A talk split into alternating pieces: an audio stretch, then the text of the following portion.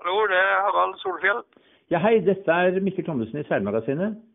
Hei, du. Hei, du. Jeg ringer deg fordi at eh, jeg har lyst til å høre litt mer om seilturen din. Du det er ikke noen vanlig seiltur heller. Du har vært uh, ute i syv og et halvt år og seilt uh, tilsvarende to ganger rundt jorden. Så du har jo opplevd en god del, både av gode og ikke så gode ting.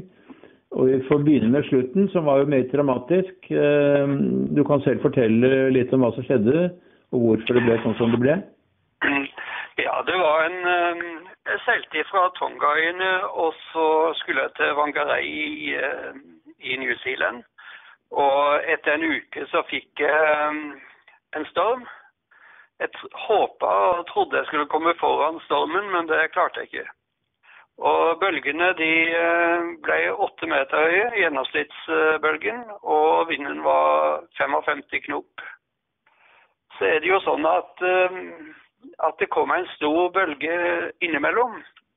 Og den eh, traff med 90 grader på skroget og slo ut to av vinduene eller ventilene i skroget. Og pusha båten ut av, snø, ut av sjøen, og så la den seg i neste bølgedal med masta i sjøen. Og når du slipper ni tonn, kanskje en eh, tre-fire meter ned, så smeller det godt. Og eh, alt inni båten, in, inkludert meg, ble skvisa inn på styrbord side. Og eh, båten var halv av vann. Hardtoppen var knust. Eh, de eh, solcellepanelene de bare sto og flagra, og vindgeneratoren den blåste ut. Unnskyld meg, du sier var- hardtoppen. Mener du da hyttetak, eller mener du, mener du har den uh, kalesjen foran eh, nedgangen? Nei, jeg hadde, ja. ja, jeg hadde tatt vekk sprayhuden og Mm. bygd en hardtop. Ja. Og jeg hadde aluminiumsvinduer på den. Og det var mange som lurte på det når jeg seilte rundt, for en Chanot har jo vanligvis ikke det. Nei, altså, det var hardtoppen som, eh, som ble stående Ja, den krenga over til på og var sprukket mange plasser.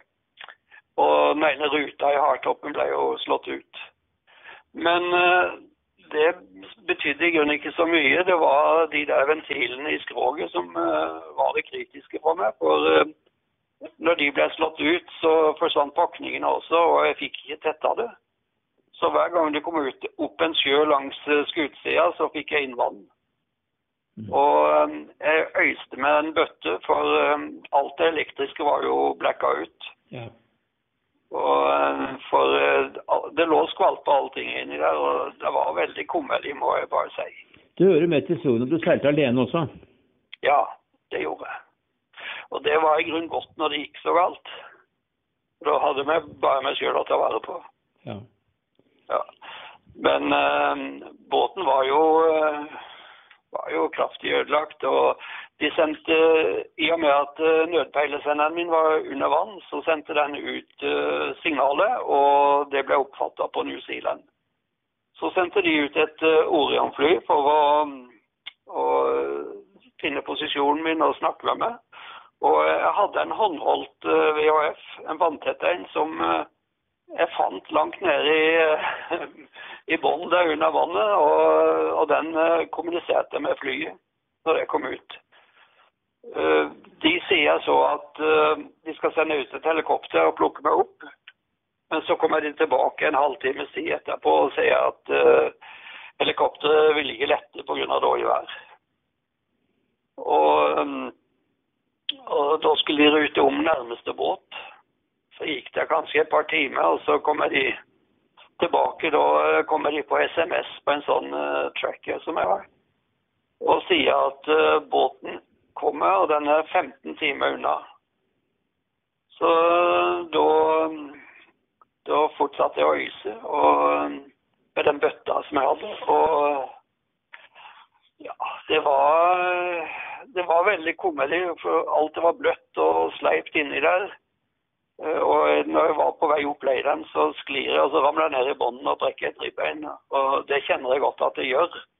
Men så tenker jeg at et ribbeinsbrudd er jo ikke farlig, for det gjør ikke vondt før om ei uke. Og om en uke så er jeg enten redda, eller så kjenner jeg iallfall ikke noe til det ribbeinet. Så øh, ja, jeg holdt på å øyse, og jeg var veldig glad når jeg fikk ut eh, mer vann enn det som kom inn. Men øh, den båten som skulle redde meg, det var en containerbåt, og den brukte 24 timer før den til meg. For den hadde jo også dårlig vær. Og da måtte jeg skyte opp noen nødraketter så de skulle finne meg, for jeg var jo drevet av den, den posisjonen som var blitt oppgitt. Mm. Og så sier kapteinen at uh, vi har lagt ut uh, et nett på styrbord side. Og vi kommer opp langs med sida di, og så skal du hoppe ned i det nettet. Og vi trekker deg inn til skutesida, og så kan du gå opp en losløyde. Det hørtes jo veldig greit ut i teorien. Men uh, den store båten klarte ikke å stoppe, og jeg sklir over det nettet ganske kjapt. Men så får jeg tak i det, og jeg henger der ganske lenge. Men uh, jeg får så mye vann over meg, og jeg blir trukket ned under, og, så jeg blir nødt til å slippe. Og da tar båten en runde for å gå opp igjen og prøve en gang til. Og jeg husker det var veldig uh, skummelt når den store propellen kom bak båten her. og Det var uh, som et kjempe sånn pariserhjul, syns jeg nesten, som svei. Men disse 24 timene, de ble lange, de da? De ble lange, men uh, jeg brukte tida til å øyse meg. Og uh, det var jo så bløtt og kaldt om bord at jeg fikk ikke sove noe, så, så jeg jobba i grunnen hele tida. Mm. Så, Kjente men du noen gang at det kunne gå galt? Jeg var inne på tanken, men jeg hadde positive tanker hele tida. Og jeg trodde jeg skulle bli redda, men jeg forsto ikke helt åssen det skulle skje. Nei. For når båten kommer opp neste gang, da, etter 20 minutter, så skjer det samme. De mista meg. Jeg ble nødt til å slippe etter at jeg hengte i det nettet en stund. Ja. Men tredje gangen så svømmer jeg helt inn til skroget og får tak i den losleideren. Men da er jeg så svak at eh, jeg klarer ikke å gå opp. Så jeg henger med i det og klamrer meg og tenker der, den der skal jeg aldri slippe. Så kommer det en uh, matros ned nær leideren og får lagt ei løkke rundt ryggen på meg, og så drar de meg opp med håndkraft. Og det var en fantastisk følelse. Uh, det ble jo filma fra flyet, for flyet kom ut igjen når den redningsaksjonen begynte. Og mange er kommet til etterpå og sagt det at det må jo være vondt når du, ble, når du lå der og ble banka mot skroget. Men det kjente jeg ikke engang. Det var bare en herlig følelse av allting at uh, nå var jeg redda. Mm -hmm. Jeg har sett bilder der hvor du kom opp på dekk. Du så litt medtatt ut da? Ja, jeg var jo veldig, veldig kald. Jeg lå bare og skalv. Og jeg blødde ganske mye på ryggen. Og ja, jeg hadde fått noen sår her og der. Så jeg var ikke så jeg var ikke så svær kar da, nei. nei. Og båten da, den fløt så lenge du var i nærheten, men så har vel den Ja. vært sunket etter hvert? Ja, den, den fikk inn så mye vann at den kunne ikke flyte mer enn et døgns tid. Så jeg så vannet begynte å stige ganske kraftig når jeg gjorde meg klar til å hoppe ned i det nettet. Mm. Så Mm. den forsvant. Mm. Men jeg må jo si, når jeg lå der og svømte, så, så jeg bevisst på at nå må jeg tenke positivt. For hvis jeg begynner å deppe, så kan det gå, fort gå veldig galt. Mm. Og så tenkte jeg på barnebarnet mitt som, eh, som jeg hadde fått, som aldri hadde sett. Og at jeg hadde lyst til å hjem og, og oppleve henne. Men så datt jeg ut av det positive, da, for jeg blødde mye på ryggen. Og så var det jo Jeg visste jo at det var mye hai rundt her, så det er jo en dårlig kombinasjon. Mm, Ja, da er det jo for så vidt neste kapittel, da. Det er jo, som også er dramatisk. For du ble jo angrepet av eh, banditter, vil jeg si. Ja. Um, Var det, var det pirater ute på havet, eller var det under land, eller hvordan var det? Nei, det, jeg, lå, jeg lå for anke utenfor en by som heter Bucios i, eh, i Brasil. Ja. Og det var jo fattige folk som eh, rana meg, rett og slett. Og jeg hadde vært en tur på landet om kvelden, og eh, de hadde nok lagt merke til meg kanskje, for eh, klokka var tre om natta. Mm. så våkner jeg av noen lyder i båten. Og, Mm. og når jeg ser opp, så ser jeg rett inn i eh, to maskerte menn med revolver og kniv. Mm. Og eh, de binder meg til masta, da. Og de, og de skyter hold i hyttetaket for å vise meg at revolveren er ekte. Så det, det var jo dramatisk. Og den ene mannen eh, var ganske rusa. Og når du har en rusa mann med en usikra revolver som peker på deg, da, da er det ikke greit. Nei. Så um, det jeg gjorde, det var det at um, jeg prata med dem. Jeg snakka med dem og sa at det ikke var noe problem, at de skulle roe seg ned, og at vi skulle gjøre det her på en god måte. Og jeg snakka spansk, men de forsto det, selv om de selv om de har jo uh, portugis som sitt språk. Ja. Så, uh, men jeg roa ned og snakka og snakka, men de var stadig borte og pekte på med den, med den revolveren, og de la kniven inntil halsen på meg og, og trua meg. Mm. Men etter en time så hadde de funnet det de ville, og, og de gikk ned i kanoen sin og, og padla på land. Hva var det de var ute på? uh, når de forlot båten, så begynte jeg å bite, bite opp knutene. da, så jeg var fri etter en halvtime, tenker jeg. Du klarte det uten hjelp. Ja, det, det gikk veldig greit. Men, eh, men det, jeg syns jo det var veldig ekkelt, for eh, de var jo ustabile folk. Og, og ja, den revolveren hadde jo nettopp eh, brukt, og jeg så jo hold i, i hyttetaket der. Mm. Men hva, hva fikk de med seg? Nei, de tok eh, For det første så tok de eh, pengene mine. Jeg eh, hadde noen, en, kanskje et par tusen kroner i forskjellig valuta om bord. Ja. Og så tok de alle kjøkkenknivene mine, altså de der kokkeknivene. Jeg er glad i å lage mat, så jeg hadde noen gode kniver. Ja. Og det så nok de på som våpen. Og så tok de jo kamera og kamerautstyret mitt. Mm. Og småting som var lett å omsette. Men det var veldig rart, for eh, satellittelefonen Jeg vet ikke om de ikke så den, eller, eller hva, men eh, de visste nok kanskje ikke hva det var, så den, den tok de ikke. Men du visste Men det det, var- og så var det nok litt alkohol. Men eh, det hadde jeg ikke så mye av om bord.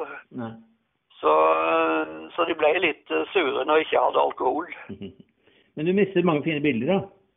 Ja, jeg mista et halvt år med bilder. Jeg skulle jo hatt det på en sky, men det er jo lett å si i etterkant. Eh, Jeg, jeg fotograferte rimelig mye på den turen, og når jeg kom hjem, så, så hadde jeg tatt 60 000 bilder på de syv og et halvt året. Akkurat. Jeg har jo sett på bildene dine. Det er jo fantastisk fantastiske og ganske dramatiske bilder, noen av dem. Ja, noen av de er jo bra. Mm. Men syv og et halvt år, det hadde du tenkt deg å seile så lenge? Ja, jeg hadde det, og jeg hadde tre år igjen å seile når det havarerte. Men når jeg begynte å seile, så hadde jeg tenkt på en, eh, en eh, ja, femårsseilas. Så ble det utvida til sju år, og så eh, så jeg nå at det ville bli ti. Mm. Men, men du har jo også da vært både langt mot nord og langt mot syd. Du har vært, eh, opplevd isfjell ved Grønland, og du har seilt Patagonia og mellom palmeøyene i Karibien og Stillehavet. Så du har jo, og til og med på innsjøer har du vært i USA. Ja, det var veldig eh, spennende og veldig moro, syns jeg, å gå inn på innsjøene. Jeg gikk opp eh, Hudson River og kom ned igjen Mississippi. Og jeg var jo Jeg var åtte måneder på elvene og kanalene og innsjøene i USA og Canada. Så jeg måtte sette båten på en, eh, en lastebil fra Duluth og så over til Mississippi. Det var en fire timers kjøring. Og det var spennende, det òg. Så det var, det var en veldig fin tur, syns jeg. og Det var veldig artig å være oppe i Minnesota med norsk båt med, med norsk flagg på. Mm. Hadde du mm, spart opp, da, så du hadde penger til å gjøre den turen? Det var ikke sånn at du eh, måtte, måtte jobbe underveis for å finansiere? Nei, jeg, var- jeg var veldig heldig, for jeg var ansatt i, i Statoil. Og så når de fusjonerte med Hydro, så var jeg akkurat gammel nok til å få en sluttpakke. Og den booka jeg dypt og takka for, og så tok jeg båten min og seilte ut. Så sånn var det. Mm. Men familien, da? Hva syns du om dette? Eh, familien de syns syntes i grunnen det var OK, men eh, kona mi var jo med på mange av etappene. Og, og vi hadde mange fine turer sammen, særlig i fransk Polynesia og ja, mange steder. Eh, Men, eh, men de lange seilasene de tok jeg som soloseilaser, og det syns jeg var veldig moro. Eh, Den lengste turen jeg hadde, det var fra eh, Acapulco i Mexico og så over til eh, Honolulu i Hawaii, og det var 30 døgn. Jeg var litt uheldig med vinden der, så det gikk ikke så fort. Nei. Nei. Men det er jo fantastisk å ligge ute i havet, og noen ganger så ser du en hval, og den kommer ganske nærme deg. og ja, det, det er spektakulært, rett og slett. Men du er altså fra Sørlandet. Du har vokst opp eh, i nærheten av Kilsund på Flostad, så du er jo vant til sjølivet, da? Ja, jeg har vært i båt siden jeg var ganske liten, og jeg fikk den første seilbåten. Det var jo en A-jolle eh, når jeg var sju år gammel. Den eh, lagde min far til meg i kjelleren hjemme. Og den var nok helst til bror min, som var som er tre år eldre enn meg. Men det var ikke lenge før jeg fatta interesse for den båten, da. Nei. Og da var du, etter det så var du solgt? Ja, jeg var nok eh, i alle fall båtfrelst. Det var jo en eh, liten periode som jeg, jeg var veldig interessert i motorbåter, og det som gikk veldig fort. Men, eh, men det gikk fort over hos meg. Mm. Du har vært med i, i Tverrdalsvennen rundt noen ganger? Ja, det har jeg mange ganger. Og i grunnen i mange forskjellige båttyper. Helt ifra snekker som, eh, som går i seks-sju knop, også til ja, rimelig raske båter. Ja. Nei, det er et allsidig sjøliv eh, på sørlandskysten, ja. Men Ja. eh, men hva, hva var det som fikk deg til å ta denne turen her? Hva, hva som inspirerte deg til å si at ok, nå kaster jeg loss og, og uh, reiser av gårde? Jeg ble nok motivert helt fra jeg var ganske liten. For eh, min mor, når hun leste for meg, for meg om kvelden, så var det ofte reiseskildringer. Og jeg var mye nede på stranda ved Min far hadde snekkerverksted, så ved hans snekkerverksted og, og seilte med båter på utsida der. Og da hadde jeg fantasien med meg og tegnet inn land på stranda, og jeg hadde småbåter som gikk mellom de forskjellige landene. Så jeg drømte meg nok ut på langtur.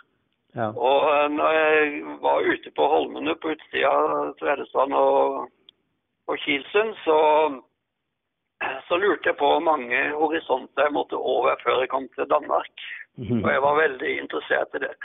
Men eh, etter at jeg ble voksen, så er jeg jo jeg er veldig glad i mennesker. Og eh, jeg syns det er spennende med andre kulturer. Og jeg er veldig glad i og interessert i å møte det. Ja, nei, Det er jo et eh, godt utgangspunkt, eh, det. eh, At det er drivkraften for en sånn tur. Mm.